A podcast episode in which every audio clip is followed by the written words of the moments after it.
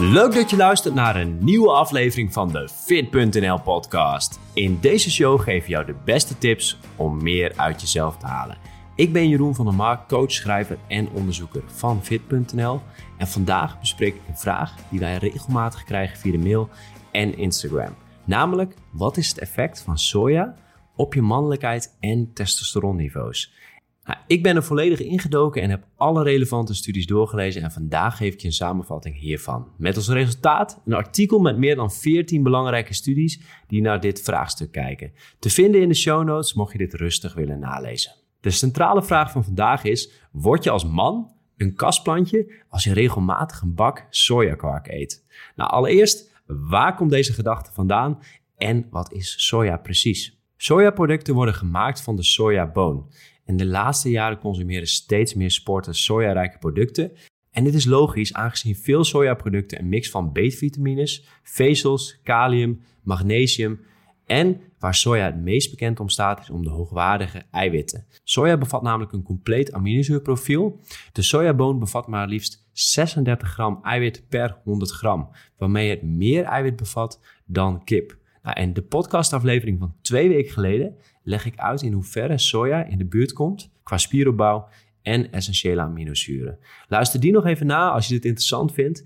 Deze staat ook in de show notes. Dan de vervolgvraag: wat zit er precies in sojaproducten en wat doet het? Nou, soja bevat een hoge concentratie isoflavonen, een type plantaardig oestrogeen, phytooestrogeen. En qua functie is het vergelijkbaar met het menselijke hormoon oestrogeen maar met veel zwakkere effecten. En soja-isoflavonen kunnen binden aan oestrogeenreceptoren in het lichaam en een zogenaamde zwakke oestrogene of anti-oestrogene activiteit veroorzaken.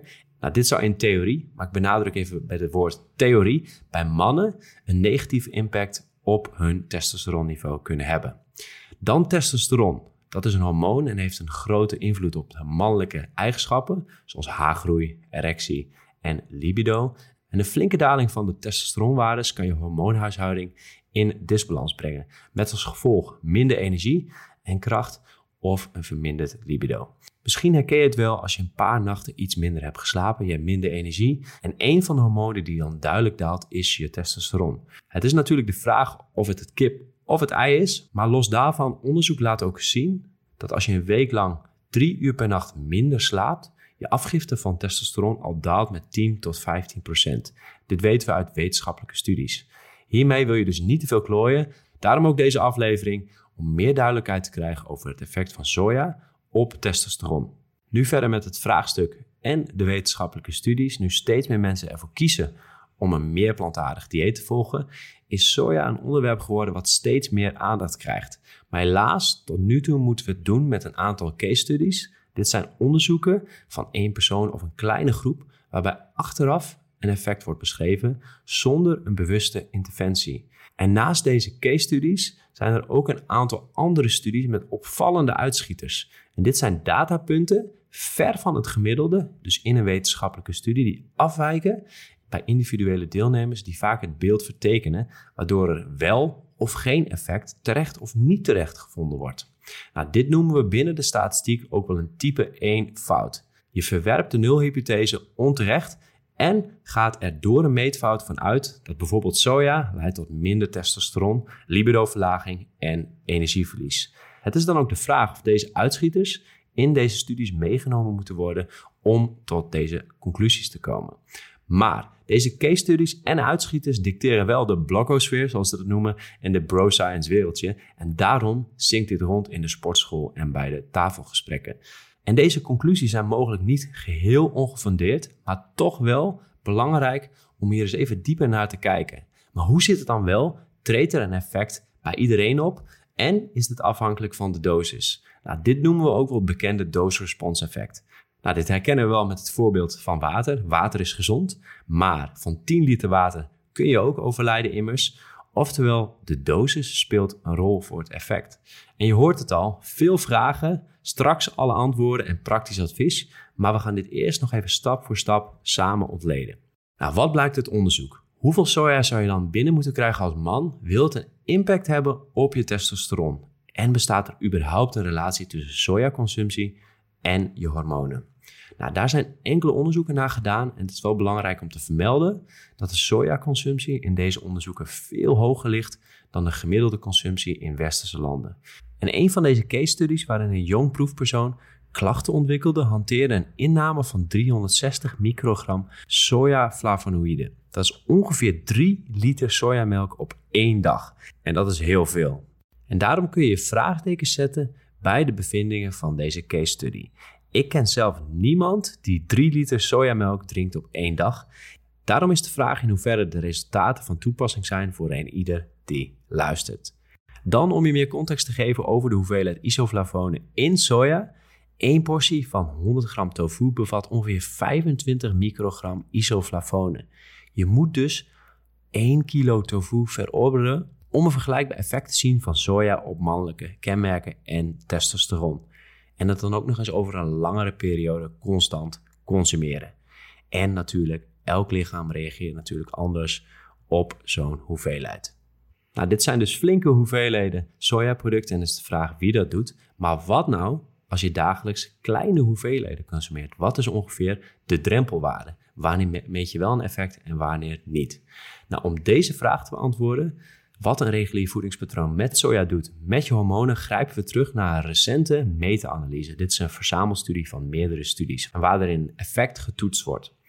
Hierbij kwamen onderzoekers tot de conclusie dat gemiddeld genomen sojaproducten zoals tofu, tempeh of soja-eiwitten of flavonoïde supplementen geen duidelijk effect hebben, zowel bij porties kleiner dan 75 microgram isoflavonen en groter dan 75 microgram isoflavonen werd geen significant verschil gevonden in vergelijking met de controlegroep die geen soja had.